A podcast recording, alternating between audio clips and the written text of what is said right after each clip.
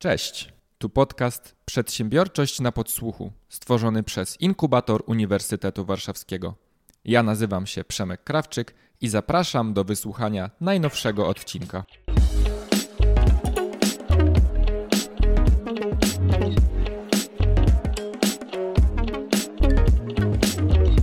Dzień dobry. Za chwilę usłyszycie wyjątkowy odcinek podcastu, ponieważ po raz pierwszy mamy okazję rozmawiać z naszym partnerem, partnerem inkubatora UW, którym jest Veolia. Mam przyjemność rozmawiać z panią Małgorzatą Miką Bryską, która jest absolwentką Wydziału Handlu Zagranicznego w Szkole Głównej Planowania i Statystyki. Znacie tę szkołę, ponieważ obecnie jest to Szkoła Główna Handlowa. Mm, pani Małgorzata pracowała w administracji rządowej. Między innymi była zastępczynią dyrektora Departamentu Energii w Ministerstwie Gospodarki i Ministerstwie Energii.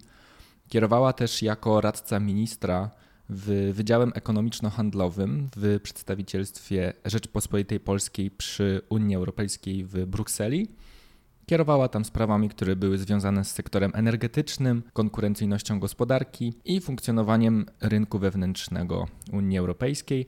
Od lipca 2016 roku pani Małgorzata Mika-Bryska jest dyrektorką do spraw regulacji i relacji publicznych w Veoli Energia Polska. Jest to bardzo ciekawy odcinek. Rozmawiamy o wielu tematach związanych z odpowiedzialnością biznesu, kryzysem klimatycznym, wielu sprawach, które dzisiaj społecznie są bardzo istotne, więc zapraszam Was do wysłuchania najnowszego odcinka. Dzień dobry, witajcie. To już kolejny odcinek naszego podcastu Inkubatora Uniwersytetu Warszawskiego, który to podcast nazywa się Przedsiębiorczość na podsłuchu i w tym podcaście rozmawiamy z osobami, które znajdują się w otoczeniu inkubatora. I są to zarówno uczestnicy inkubatora, osoby, które korzystają z naszego wsparcia i rozwijają swoje projekty, swoje startupy i inne przedsięwzięcia, jak i trenerzy, mentorzy oraz osoby, które przychodzą do nas, żeby podzielić się swoją wiedzą i opowiedzieć, opowiedzieć o tym, co się, co się dzisiaj dzieje ważnego gdzieś dookoła nas, bo chcielibyśmy, abyście z tych podcastów wynosili zarówno inspirację,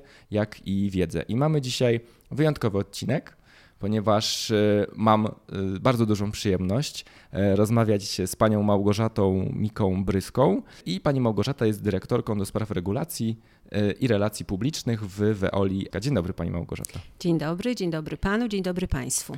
I spotykamy się dzisiaj, żeby porozmawiać o czymś, co jest niesamowicie istotne, bo dotyczy zarówno już nas, naszego pokolenia, które jeszcze gdzieś znajduje się i przez kilkadziesiąt najbliższych lat będzie po, po naszej planecie sobie wędrować, jak i przyszłych pokoleń. Będziemy rozmawiali o po prostu o zmianach klimatu, o kryzysie klimatycznym, e, no i też o tym, w jaki sposób możemy już dziś działać na rzecz poprawy sytuacji. Mm, no i jako, że pani Małgorzata y, reprezentuje i przyszła do nas dzisiaj y, z Veoli, to ja chciałbym zadać takie pierwsze pytanie, które będzie trochę organizujące, bo mam takie wrażenie, że mm, Większość z nas i z Was, drodzy słuchacze, wykorzystacie z tego, co daje nam Veolia i nawet nie zdajecie sobie z tego sprawy. To jest taka firma, która funkcjonuje gdzieś w przestrzeni i, i tak naprawdę jest niesamowicie istotna, natomiast y, nie wszyscy wiedzą w ogóle, że taka instytucja istnieje i czym się ona zajmuje, więc chciałbym, żeby y, Pani Małgorzata, żebyśmy teraz właśnie dowiedzieli się, czym jest Veolia i, i, i w jaki sposób my dzisiaj stykamy się z nią w naszym codziennym życiu. E, Grupa Veolia jest e, korporacją globalną, zatrudnia ponad 200 tysięcy pracowników. Działamy w zasadzie na każdym kontynencie i w wielu, wielu krajach, w tym w Polsce, e, i zajmujemy się szeroko pojętymi usługami ekologicznymi, środowiskowymi, bądź związanymi z tymi usługami, czyli działamy w trzech segmentach. Mhm. Energia, woda, odpady, przy czym w różnych miastach te y, akcenty bądź działalność jest w jednym czy drugim bardziej widoczna i mniej widoczna.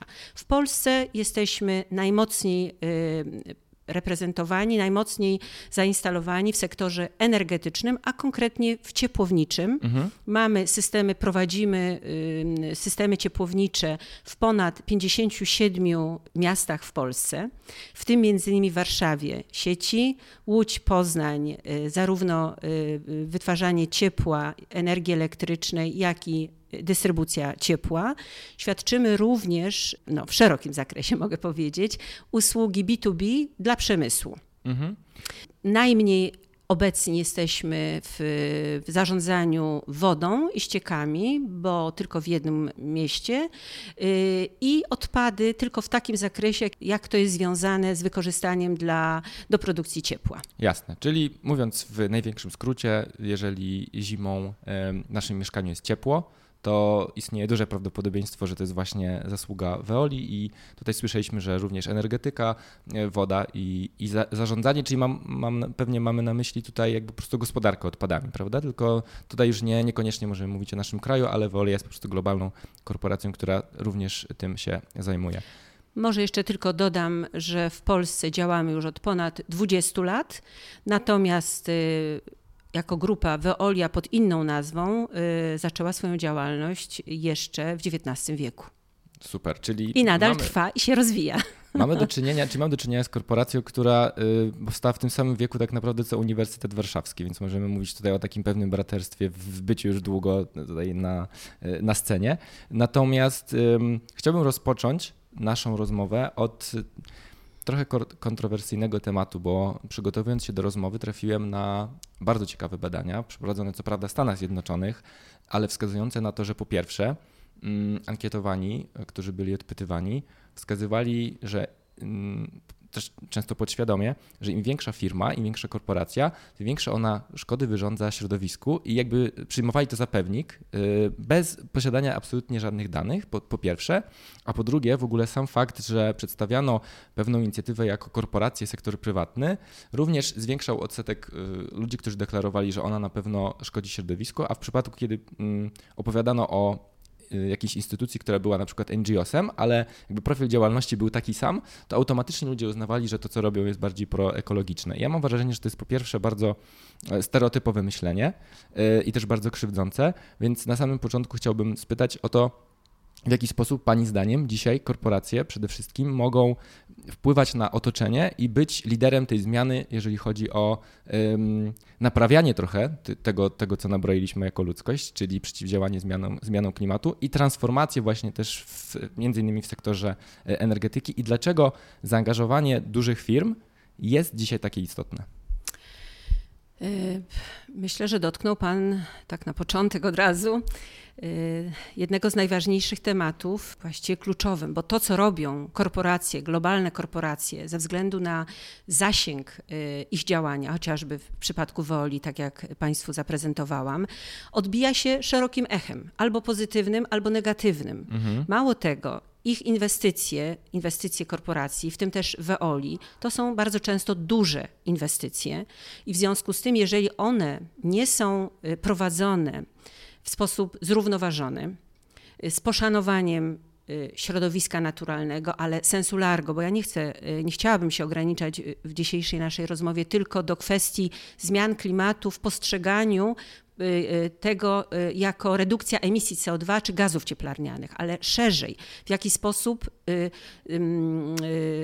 zagospodarowujemy zasoby ziemi, mhm. woda, w jaki sposób ingerujemy w planetę, w ogóle w, na, na Ziemi, kwestia odpadów, ile ich produkujemy, czy musimy tak dużo, jak, ile odpadów również poprodukcyjnych y, y, tworzą na przykład nie tylko korporacje, ale i średnie przedsiębiorstwa, małe, ale również my, zwykli obywatele, y, gospodarstwa domowe. I gdyby prześledzić już na, na, na, bez emocji te statystyki, myślę, że y, wnioski mogłyby być zaskakujące. Nie chcę bronić wszystkich korporacji, mhm. y, na pewno są również takie i, i czytaliśmy y, o nich y, niejednokrotnie, które w zasadzie y, rzeczywiście nie dbają o to, y, jaki jest ich wpływ na, na środowisko, na klimat. Właściwie liczy się zysk i tylko zysk. Również nie, nie biorą pod uwagę to, jaki wpływ ich działalność gospodarcza, czy w, w jeżeli chodzi o kopalnie, czy, czy energetyka, produkcja energii elektrycznej, czy, czy na przykład zagospodarowanie, wykorzystywanie na przykład lasów y, na różne, y, na różne cele, czy można mnożyć działalności gospodarcze w nieskończoność, które jednak y, ingerują w środowisko. I zapewne jest grupa korporacji, ale nie tylko, również innych przedsiębiorstw, również ludzi, zwykłych ludzi w niektórych miastach z różnych powodów, gdzie y, ta dbałość o zrównoważone życie, o zrównoważoną działalność gospodarczą jest na bardzo niskim poziomie. Natomiast i tu nie, nie, nie, absolutnie nie, nie jestem, nie chcę robić reklamy Weoli, dlatego że pracuję w Weoli. Natomiast Weolia od początku w swoim DNA, jak to się mówi mhm. elegancko, ma w sobie y, takie prowadzenie działalności gospodarczej, które nie tylko nie szkodzi środowisku, gdzie ta działalność w sposób maksymalny powinna się zbliżać do zrównoważenia działalności, ale wprost przeciwnie, my poprzez nasze działanie, współdziałanie, współpracę z biznesem, z miastami, bo naszym y, ważnym klientem w wielu miast, w wielu krajach, także w Polsce, są miasta. Są ludzie, którzy mieszkają w tych miastach. Staramy się również y, y, przywracać tym zasobom, bądź w taki sposób świadczyć usługi, żebyśmy mogli dodać tę wartość i dlatego y, można powiedzieć naszym takim leitmotivem, hasłem działania całej grupy Weoli na świecie jest odnawiamy zasoby y, świata, zasoby naturalne, ale nie tylko.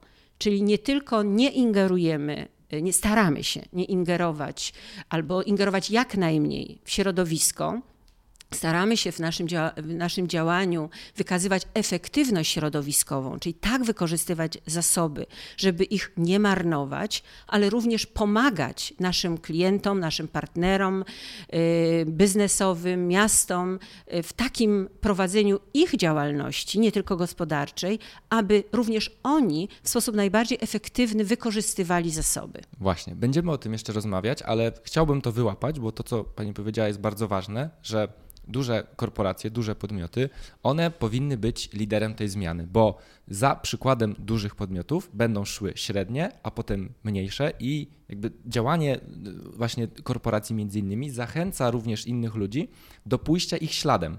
To po pierwsze. Po drugie, yy, duże korporacje mają możliwość, kiedy planują jakieś swoje działania, wciągać w to, co się dzieje dookoła, tak jak pani wspomniała, y, jakieś jednostki samorządowe, czy też nawet właśnie publiczne.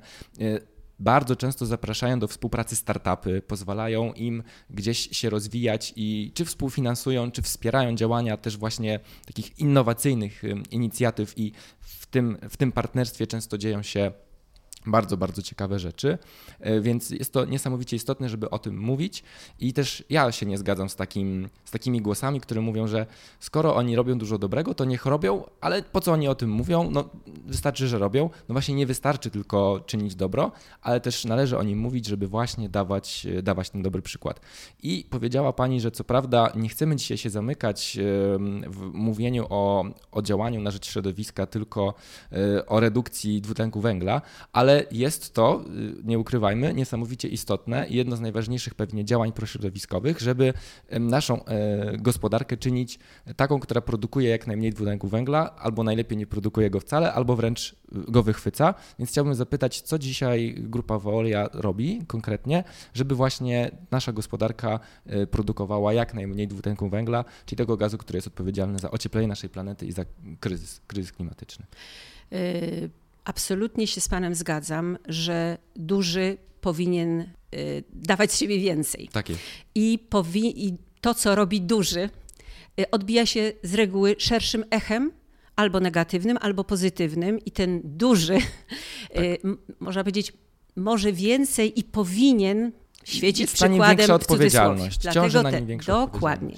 I dlatego też Veolia chce być takim benchmarkiem Y, referencją, przedsiębiorstwem, korporacją y, przykładową dla transformacji, ja tutaj mówię ekologicznej, nie tylko energetycznej, ale ekologicznej, bo rzeczywiście mamy większe zasoby, mamy doświadczenie, mamy know-how całej grupy na całym świecie i rzeczywiście y, to, co robimy i zrobimy, może pociągnąć innych, może troszkę mniejszych, średnich, przy czym od razu chciałam zastrzec, że to nie oznacza, że mały i średni nie ma know-how, nie ma również dobrych przykładów, natomiast bardzo często y, to ginie i jest mniej widoczne. Mhm. Więc rzeczywiście, co zrobi dobrego bądź złego dla klimatu, również w kontekście redukcji emisji CO2, ten większy jest mocniej nie tylko widziane, ale również ma większy wpływ, negatywny bądź pozytywny, na zmiany klimatu.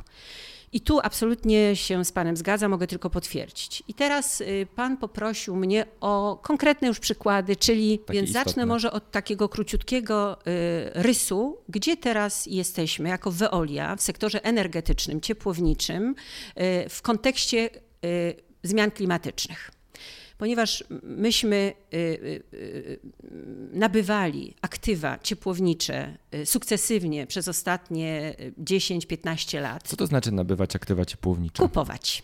Kupowaliśmy przedsiębiorstwa albo wytwórcze, albo sieci, tak jak na przykład w Warszawie czy w innych mniejszych miastach, albo kupowaliśmy elektrociepłownie, albo A, ciepłownie w Polsce. które produkują ciepło. Tak, mhm. tak. Od różnych podmiotów głównie od miast, ale nie tylko, również od innych przedsiębiorstw, które chciały z tego biznesu wyjść.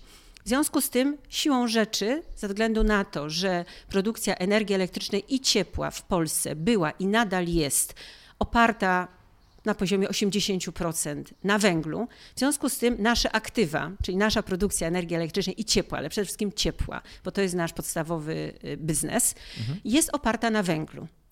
I mamy pełną świadomość, że ze względu na wyzwania klimatyczne, bez, ze względu na, na, na to, że no, musimy mniej ingerować w zmiany klimatyczne, które oczywiście się dzieją, ale, przy, ale rzeczywiście jako całą, nie tylko jako przedsiębiorstwa, ale jako ludzie, yy, za dużo emitujemy gazów cieplarnianych, w tym CO2 i to jest poza dla nas dyskusją. W związku z tym przyjęliśmy jednoznaczną biznesową strategię, mówię w tej chwili o grupie całej na świecie, grupie Polski, jeżeli chodzi o y, dekarbonizację i w jaki sposób to zrobimy. I pod ten plan nie pułkownik w cudzysłowie, ale pod ten hmm. plan biznesowy w tej chwili budujemy i, i, pracujemy nad konkretnymi planami inwestycyjnymi, o których za chwilę, które są bardziej lub mniej zaawansowane. Większość z nich jest mocno zaawansowana. Czyli naszym celem, naszą strategią, nie papierową, ale konkretną jest. Wdrażaną już. Wdrażaną mhm. już, już od paru dobrych miesięcy, co, co najmniej półtora roku, jest, że do końca 2030 Veolia w Polsce nie będzie miała w swoim miksie węgla, zero węgla. Natomiast do 2050 roku Veolia w Polsce będzie absolutnie zdekarbonizowana, czyli nasza działalność gospodarcza y, nie będzie emitowała gazów cieplarnianych, w tym dwutlenku węgla. Czyli mhm. będziemy neutralni klimatycznie w 2050 Saldo będzie wynosiło zero. roku. I ponieważ ścieżka jest bardzo jasno wskazana, pod ten cel strategiczny, właściwie krótki można powiedzieć, jednozdaniowy. Ale też budujemy, bardzo konkretny. To tak, jest, budujemy jest plany inwestycyjne. Co zatem, bo prosił Pan o konkretne przy, przykłady, mhm. co zatem do 2030? Odejście od węgla w Łodzi w Poznaniu, chciałam tylko poinformować, żeby też zobaczyć, jaki to jest skala, jaka to jest skala inwestycji. Chodzi o na przykład Łódź, Poznań, to jest mniej więcej podobnie. Nasza y, y, moc zainstalowana ciepła jest powyżej 2000 megawatów termicznych to może dla tych, Właśnie którzy, jakąś skalę których, potrzebujemy dla tych, to jest, to jest naprawdę bardzo dużo. No to jest tak jak mniej więcej y, kawałek, spory kawałek Bełchatowa. Okej, okay. to, Tylko to już tam jest mhm. produkcja energii elektrycznej, a my opieramy i w Łodzi, i w Poznaniu to są źródła kogeneracyjne, mhm. czyli o znacznie wyższej, ponad 30%, 30% wyższej efektywności wykorzystania paliwa pierwotnego, czyli w tym przypadku węgla. I również zamienimy y, instalacje kogeneracyjne oparte teraz na węglu w Łodzi w Poznaniu, również na kogenerację, żeby maksymalnie wykorzystać to paliwo pierwotne, ale gaz naturalny. Mhm. I ktoś mógłby powiedzieć, no dobrze, dobrze, ale dlaczego gaz naturalny? Czy nie, nie lepiej byłoby od razu już 2,30 właściwie odejść również od gazu naturalnego, bo on również emituje y, CO2, co prawda o połowę mniej, w kogeneracji jeszcze najbardziej efektywnie, jak to możliwe, bo, w, bo w, jeżeli produkujemy jednocześnie w procesie technologicznym, jednocześnie energię elektryczną i ciepło, w związku z tym jesteśmy w stanie mówiąc w takim dużym uproszczeniu, ale, ale takim najprostszym, jesteśmy w stanie y, y, za, y, zaoszczędzić ponad 30% paliwa. Więc, więc to jest jeszcze dodatkowy uzysk dla środowiska. Więc wracając, dlaczego nie od razu właściwie przejść na, na OZE, co zresztą robimy w, tylko w mniejszych instalacjach, czyli pompy ciepła, y, za moment już dosłownie y, wodór, zielony wodór najlepiej, y, panele fotowoltaiczne, magazyny energetyczne. No chociażby dlatego, że na dzień dzisiejszy nie ma takich technologii zeroemisyjnych, oprócz no, energetyki jądrowej, ale, ale to, są już, to już jest inny temat, inna skala inwestycji i, i inne potrzeby w tym względzie. Więc abstrahując już od zeroemisyjnego paliwa, takim jakim jest energetyka jądrowa, nie ma na dzisiaj w tak dużych y, systemach ciepłowniczych jak Łódź, Poznań, y, takich, takich technologii ozowych, które można byłoby od razu, który, którymi można, które można byłoby wykorzystać w zastąpieniu w tej chwili produkcji ciepła i energii elektrycznej z węgla, zwłaszcza, że w tej chwili jeszcze można właściwie byłoby pokusić się na pewne kombinacje, być może rozbicie systemu. Y, być może z punktu widzenia technologicznego, inżynieryjnego byłoby to możliwe, ale na dzisiaj koszty y, mhm. przeprowadzenia takiej pełnej dekarbonizacji szybciej byłyby nieakceptowalne społecznie ani dla, w jakimkolwiek miejscu, czy w Łodzi, w Poznaniu, y, czy w tych ponad 50 lokalizacjach, różnych innych miastach, gdzie działamy. Bo to by się wiązało, śmiem twierdzić, z podwyżką energii elektrycznej co najmniej dwukrotną. Mhm. Także staramy się przeprowadzać na, ten nasz proces dekarbonizacji w takim tempie, możliwie najszybszym, czyli najtańsze, gdzie będziemy mogli zaoferować najtaniej możliwie ciepło i ciepłą wodę użytkową mhm. i, to, i to będzie rozwiązanie akceptowalne dla, dla ludzi, którzy są naszymi klientami. I tych klientów na dzień dzisiejszy mamy w Polsce 3 miliony ludzi. I w związku z tym my tutaj musimy w sposób zrównoważony i odpowiedzialny wyważyć interesy mieszkańców, interesy, można powiedzieć, planety, czyli interesy Ziemi, y, żeby odnieść się y, y, należycie do, do tych zmian klimatycznych i kosztów spowodowanych przez te zmiany klimatyczne, jak również do naszego rachunku ekonomicznego, no bo mhm. jesteśmy przedsiębiorstwem prywatnym nie, i musimy również wygospodarować pewien poziom zysku, chociażby po to, żebyśmy mogli z tego zysku i również z kredytów realizować kolejne inwestycje. To jest takie troszkę perpetuum mobile. Ono musi dobrze działać, jak, jak dobrze naoliwiona maszyna, żebyśmy mogli, miejmy nadzieję, działać przez kolejne kilkaset lat. Tak, bo my to patrzymy z jednej perspektywy, z perspektywy użytkownika systemu, z perspektywy obywatela, a nie, nie widzimy tej drugiej strony i nie, nie bierzemy pod uwagę też, że ta cała transformacja musi się odbyć y, również z uwzględnieniem wszystkich czynników biznesowo, środowiskowo, legislacyjnych, ale ja natrafiłem na takie zdanie, y, przeglądając gdzieś właśnie y, wasze deklaracje dotyczące zaangażowania społecznego, że Veolia identyfikuje planetę naszą jako interesariusza. I to jest niesamowicie ciekawe dla mnie, bo jakby interesariusze to mówi się w biznesie, że to są osoby, firmy, instytucje, które są zainteresowane tym, co my robimy i my na jakiś sposób y, na, na tych interesariuszy wpływamy. Ja się nie spotkałem wcześniej, żeby jakby planetę, czyli Ziemię, zidentyfikować jako interesariusza i brać pod uwagę również to, co my czynimy jakby zasobom naturalnym i myślę, że chciałem w ogóle zapytać, Skąd to podejście? Bo dla mnie to jest quasi filozoficzne podejście, które jest bardzo wrażliwe. Mówiąc, znaczy patrząc tak na to bardzo mm, e, stereotypowo, no nie podejrzewa się korporacji o taki poziom wrażliwości. Więc skąd to wszystko się wzięło i jakie to ma implikacje w codziennym waszym działaniu? Może zacznę od samego słowa interesariusz. Mhm. Ono jest takie troszeczkę sztuczne. Ja myślę, że ciągle y, wiele osób ma problem ze zrozumieniem tego słowa w Amerykanie, takiego. Amerykanie mają największy Amerykanie, problem. Anglicy, stakeholder, jak to przełożyć, właściwie kto to jest ten enigmatyczny interesariusz y, i tak do końca to, to my, y, myślę, że wiele osób y, do końca nawet nie czuje tego słowa, które no, no nie ma polskich korzeni, jest ta lepsza, gorsza, ale jakaś tam próba przetłumaczenia z tego stakeholder.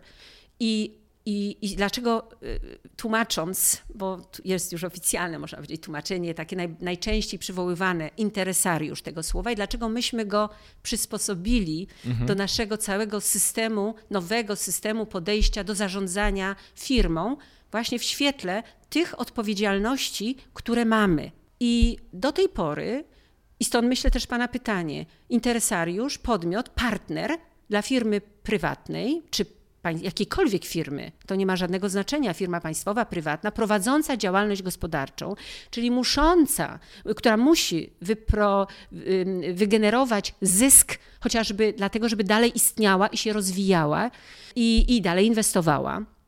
W związku z tym postrzegaliśmy nasz interesariusz, to jest nasz klient, który nam przynosi w cudzysłowie mhm. zysk, pozwala na działalność, pozwala na, na oferowanie naszych, naszych usług i na nasze istnienie. I w zasadzie dalej tak to wygląda, że właściwie firma prowadząca działalność gospodarczą ma jedne, jednego partnera. Ma partnera klienta. Mhm. Natomiast my widzimy to szerzej. Po to, żebyśmy mogli zrealizować naszą podstawową działalność, znaczy na, nasz, naszą podstawową, no nie lubię tego słowa akurat y, w tym kontekście, ale nie przychodzi mi lepiej, naszą filozofię istnienia. Może misję? To misję, może, może być tak, słowo. Czyli naszą tą filozofię zwizualizowaliśmy w tamtym roku na jednej stronie takiego mhm. bardzo, można powiedzieć, interesującego koła, które pokazuje nasze usytuowanie y, naszego biznesu. I tam właśnie wskazaliśmy pięciu tych interesariuszy, czyli pięć obszarów, bądź podmiotów namacalnych, fizycznych, y, z którymi mamy do czynienia i na który ma wpływ nasza działalność, nie tylko ta y, y, gospodarcza, którą prowadzimy, ale również działalność pozagospodarcza, którą mamy naprawdę bardzo rozbudowaną Woli, głównie poprzez fundacje, czyli również wśród dzieci, wśród młodzieży, w ramach edukacji, bo to jest też nasze poważne zadanie. Uważamy, że właśnie duże, zwłaszcza firmy, korporacje, mają też dużą rolę w edukacji swoich interesariuszy, swoich klientów. I nie tylko tych klientów B2B przemysł, czy bezpośrednio, którym sprzedajemy nasze usługi, ale tym przyszłym klientom, dzieciom, młodzieży, studentom. Mhm. I w związku z tym wracałam do tego naszego jednostronicowego opisu y, naszego, nazwijmy to, biznesplanu i tych pięciu interesariuszy. Oczywistym jest, że to są nasi akcjonariusze, czyli ci, bo jesteśmy spółką akcyjną, notowaną na giełdzie. czyli ci, którzy mają nasze akcje, i y, muszą widzieć interes, nie tylko interes namacalny, fizyczny, ale w jaki sposób prowadzimy nasz biznes, żeby dalej trzymać nasze akcje, mało tego, jeszcze nam dosypywać tak funduszy tak na nasze inwestycje, które się spłacą dopiero za jakiś tam czas. Mhm. Więc siłą rzeczy akcjonariusze oczywiście. Klienci Zapewne by Pan nie spytał o to, dlaczego klient. Klienci, tak, interesariusz, czyli ten nasz bezpośredni, ale nie tylko. To są również, i y, tutaj losowo podam, pracownicy, czyli na, postrzeganie nasz biznesplan, naszą, nasze działalność, naszą działalność postrzegamy, że bardzo ważnym interesariuszem, czyli obszarem, czyli podmiotem, który, który chcemy brać pod uwagę jako równoprawny partner, który ma wpływ pośredni, bezpośredni na to, co robimy, naszą działalność, również wobec innych interesariuszy, czyli pracownicy. Czwarty, e, czyli akcjonariusze, klienci, pracownicy, społeczeństwo sensu largo, czyli miasta, bo bardzo dużo y, współpracujemy z miastami, y, również w ramach y, wsparcia bądź współpracy z miastami, jak lepiej, w sposób bardziej zrównoważony budować i rozwijać miasta, nie tylko w odniesieniu do energetyki, czy, ale dużo szerzej właśnie tej, tej, tego rozwoju ekologicznego. No i ten interesariusz, o którym Pan pytał, planeta. I dlaczego interesariusz? Postawiliśmy planetę, czyli wszystko to, o czym do tej pory mówiliśmy dzisiaj, czyli klimat, przyspieszenie zmian klimatycznych, adaptacja do tych zmian klimatycznych, yy, yy, środowisko, jakość powietrza, zarządzanie wodą, zarządzanie odpadami, nie tylko żeby efektywnie zarządzać odpadami, czyli jak, jak najwięcej, żeby wróciło y, w formie recyklingu do obiegu. To, co nie jest w stanie y, być, y, te odpady, ta część odpadów, która nie jest w stanie podlegać recyklingowi przynajmniej przez najbliższe kilka, kilkanaście lat, to może lepiej, żebyśmy je spalili w specjalnych instalacjach i wyprodukowali z tego ciepło, mhm. nie z węgla, nawet nie z gazu, ale właśnie z tego ciepła, który, y, z tych odpadów, które sami produkujemy. Y, plus i, i, i, i, dlatego zrównaliśmy planetę, proszę zwrócić uwagę, z takim mm, klasycznym interesariuszem, czyli klientami i akcjonariuszami, ale dodaliśmy też bardzo mocno pracowników, czyli i, i, I to wybicie tej planety bardzo mocno na tym samym poziomie i oparcie naszego biznesu na poszukaniu tej no, idealnej równowagi podobno nie ma, ale żebyśmy się zbliżali do tego jak najbardziej holistycznego i zrównoważonego podejścia w naszej działalności gospodarczej, tak żeby te obszary i ci interesariusze byli równie ważni i znaleźć ten złoty środek. Bo zauważmy, że te grupy interesariuszy też wpływają na siebie, bo planeta wpływa na przykład na społeczeństwo. Mamy tego doskonałe przykłady, kiedy w niektórych obszarach świata jest już tak ciepło, że nie da się tam żyć. Mamy, mm, mamy do czynienia z migracjami i to jest przykład wpływania jednej grupy interesariusza na drugą, więc zdecydowanie, zdecydowanie tak jest. I jako, że Veolia zajmuje się między innymi właśnie produkcją ciepła, to też wiemy, że jest to proces, przy którym, jeżeli on jest nieodpowiedzialnie prowadzony, to ta efektywność produkcji ciepła może być mała, natomiast wiesz, też właśnie miałem okazję przeczytać, że Veolia stara się jak najwięcej tego ciepła odzyskiwać i tą efektywność produkcji ciepła zwiększać. I mamy tutaj między innymi e, właśnie to hasło odnawiamy zasoby świata. Są świetne przykłady, jak, e, jak na przykład na Śląsku udało się wdrożyć taką strategię w życie, czy, e, czy między innymi oczyszczalna, oczyszczalnia w Szlachęcinie, więc ja chciałbym się zapytać jeszcze tak już troszkę technicznie, ale mam takie wrażenie, że słucha nas sporo osób, które dzisiaj studiując chciałoby wiedzieć, w jakim kierunku mogą się rozwijać, żeby później z powodzeniem założyć na przykład swój startup i takie przykłady mogą być dla nich bardzo e, inspirujące. W jaki sposób e, właśnie na tych, na tych przykładach możemy zobaczyć, jak tą efektywność można zwiększać? I to będzie prowadziło do ostatniego pytania, w jaki sposób ludzie, którzy nas dzisiaj słuchają, studenci, będą mogli w przyszłości włączyć się w te działania? I tutaj będzie pewnie pytanie o to, czy Veolia inkubuje te innowacje wewnątrz, czy na przykład korzysta z tego otoczenia i gdzieś zaprasza y, startupy do współpracy, czyli prze, przejdźmy sobie później do tego elementu, w jaki sposób my możemy dzisiaj włączyć się w, to, w ten cały ruch, w te całe działanie. Y, mówiłam już o kogeneracji. Tam, gdzie jest tylko możliwe, staramy się y, opierać naszą produkcję energii elektrycznej i ciepła, przede wszystkim ciepła na technologii kogeneracyjnej, Mówiłam już z jakiegoś powodu, krótko, tak z jakiego powodu, krótko tylko przypomnę. Jest to istotna oszczędność paliwa pierwotnego, ponad 30%, to naprawdę jest sporo. Y, mówiłam już o cieple z odpadów. Pan teraz między innymi spytał mnie o cieple odpadowym. Mhm. To nie jest to samo. O kogeneracji y, już mówiłam, ale to tylko krótko powtórzę, że y, wszędzie tam, gdzie jest to możliwe, stawiam, wykorzystujemy technologie kogeneracyjne, czyli jednoczesna produkcja energii elektrycznej i ciepła. To pozwala nam zaoszczędzić ponad 30% paliwa tego pierwotnego. Mówiłam już o cieple z odpadów, Mhm. czyli to ciepło, które głównie z odpadów komunalnych, y, które wykorzystujemy i stara, będziemy dalej, mam nadzieję, y, rozwijać. Y, chciałam króciutko teraz o cieple odpadowym. To nie jest to samo, co ciepło z odpadów. Ciepło odpadowe, czyli ciepło, które powstaje z procesów technologicznych w przemyśle. Y, I, I, mamy nadzieję, że to będzie y, coraz bardziej widoczna część naszego miksu. Jest tu duży potencjał. Oczywiście trzeba wiele y, dodatkowych, można powiedzieć, warunków spełnić, aby to ciepło odpadowe mogło się lepiej rozwijać, ale to na razie zostawmy. I tu mamy już dwa konkretne przypadki, dwa, według mojej wiedzy, jedyne inwestycje w kraju, jeżeli chodzi o ciepłownictwo, gdzie właśnie wykorzystaliśmy ciepło odpadowe. To jest między innymi wykorzystanie ciepła odpadowego, gazów technologicznych y, w hucie cynku w miasteczku śląskim. To jest, proszę Państwa, rocznie ponad 60 tysięcy metrów sześciennych gazu właśnie wykorzystanego i to zasila sieć ciepłowniczą, system ciepłowniczy w miasteczku śląskim. Mhm. Co do tej pory, e, e, gdzie się, gdzie się można powiedzieć, ulatniały te gazy przemysłowe, czyli odpady a to jest forma tych odpadów jest ciepło, no w górę. Niewykorzystane. Czyli po pierwsze zmniejszamy ilość odpadu, a po drugie wykorzystujemy go do produkcji ciepła. To Dokładnie. jest podwójna korzyść. Dokładnie, więc to jest jeden nasz y, y, przykład, z którego jesteśmy dumni.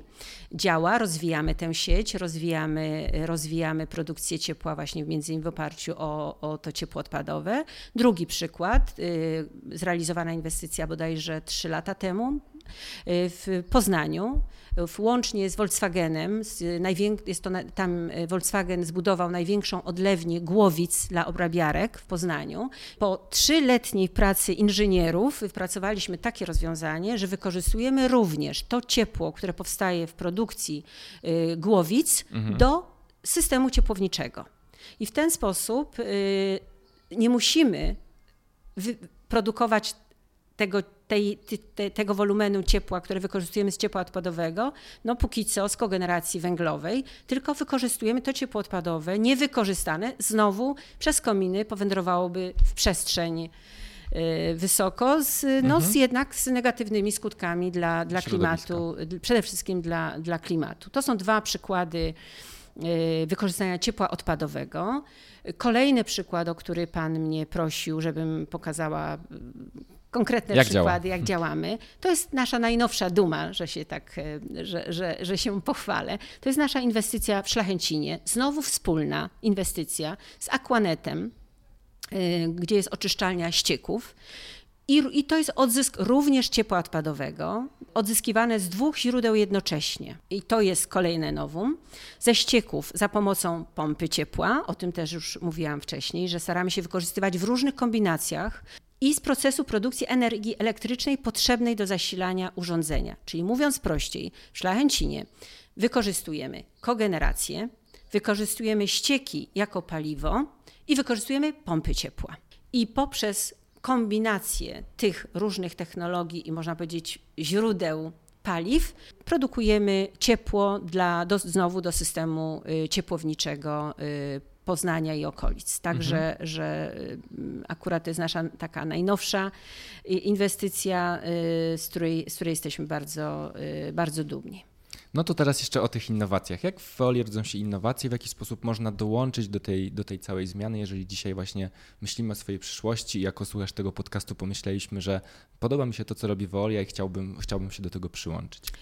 Y, zacznę może od takiej pierwszej podstawowej e, może informacji, że Veolia w Polsce zatrudnia. Mhm. Rozwijamy się dynamicznie, rozwijamy nasze projekty inżynieryjne. To wszystko, o czym Państwu dzisiaj powiedziałam, no nie bierze się z sufitu. Dokładnie. To są projekty wszystko innowacyjne. Takich projektów e, przynajmniej w Polsce nie ma, przynajmniej według mojej wiedzy.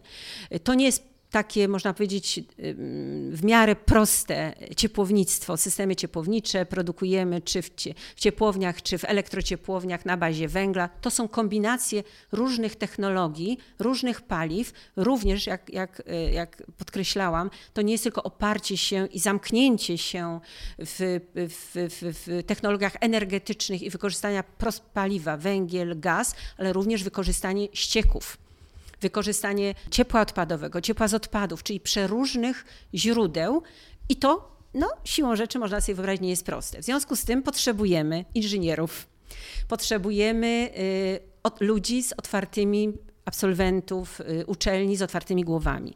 Współpracujemy z, z uczelniami, no, głównie politechnikami, bo głównie potrzebujemy tak, inżynierów, to, to jest też, ale, ale nie tylko. Potrzebujemy również informatyków, mm, można powiedzieć takich y, y, absolwentów multi, multi usługowych, mhm. dlatego że bardzo często nasze projekty potrzebują różnych specjalizacji i wzajemnie się uzupełniające. Tak, chociażby ochrona środowiska, która Dokładnie. jest na wielu wydziałach obecna, bo można z wielu perspektyw podejść do ochrony tak, środowiska. Tak, tak, jak najbardziej, bo y, między innymi również wszystkie usługi związane z internetem rzeczy, z, z inteligentnymi rozwiązaniami, może tylko też przywołam kolejny, y, kolejną, kolejny, kolejną inwestycję, którą już zrealizowaliśmy, już działa, bo y, nie mówiliśmy właściwie wiele o sieciach, mówiliśmy głównie o tej części wytwórczej, produkcja energii elektrycznej, ciepła, ale mhm. trzeba pamiętać, że systemy ciepłownicze to przede wszystkim są sieci. na przykład w Warszawie to jest 1800 kilometrów sieci ciepłowniczych, którymi zarządzamy.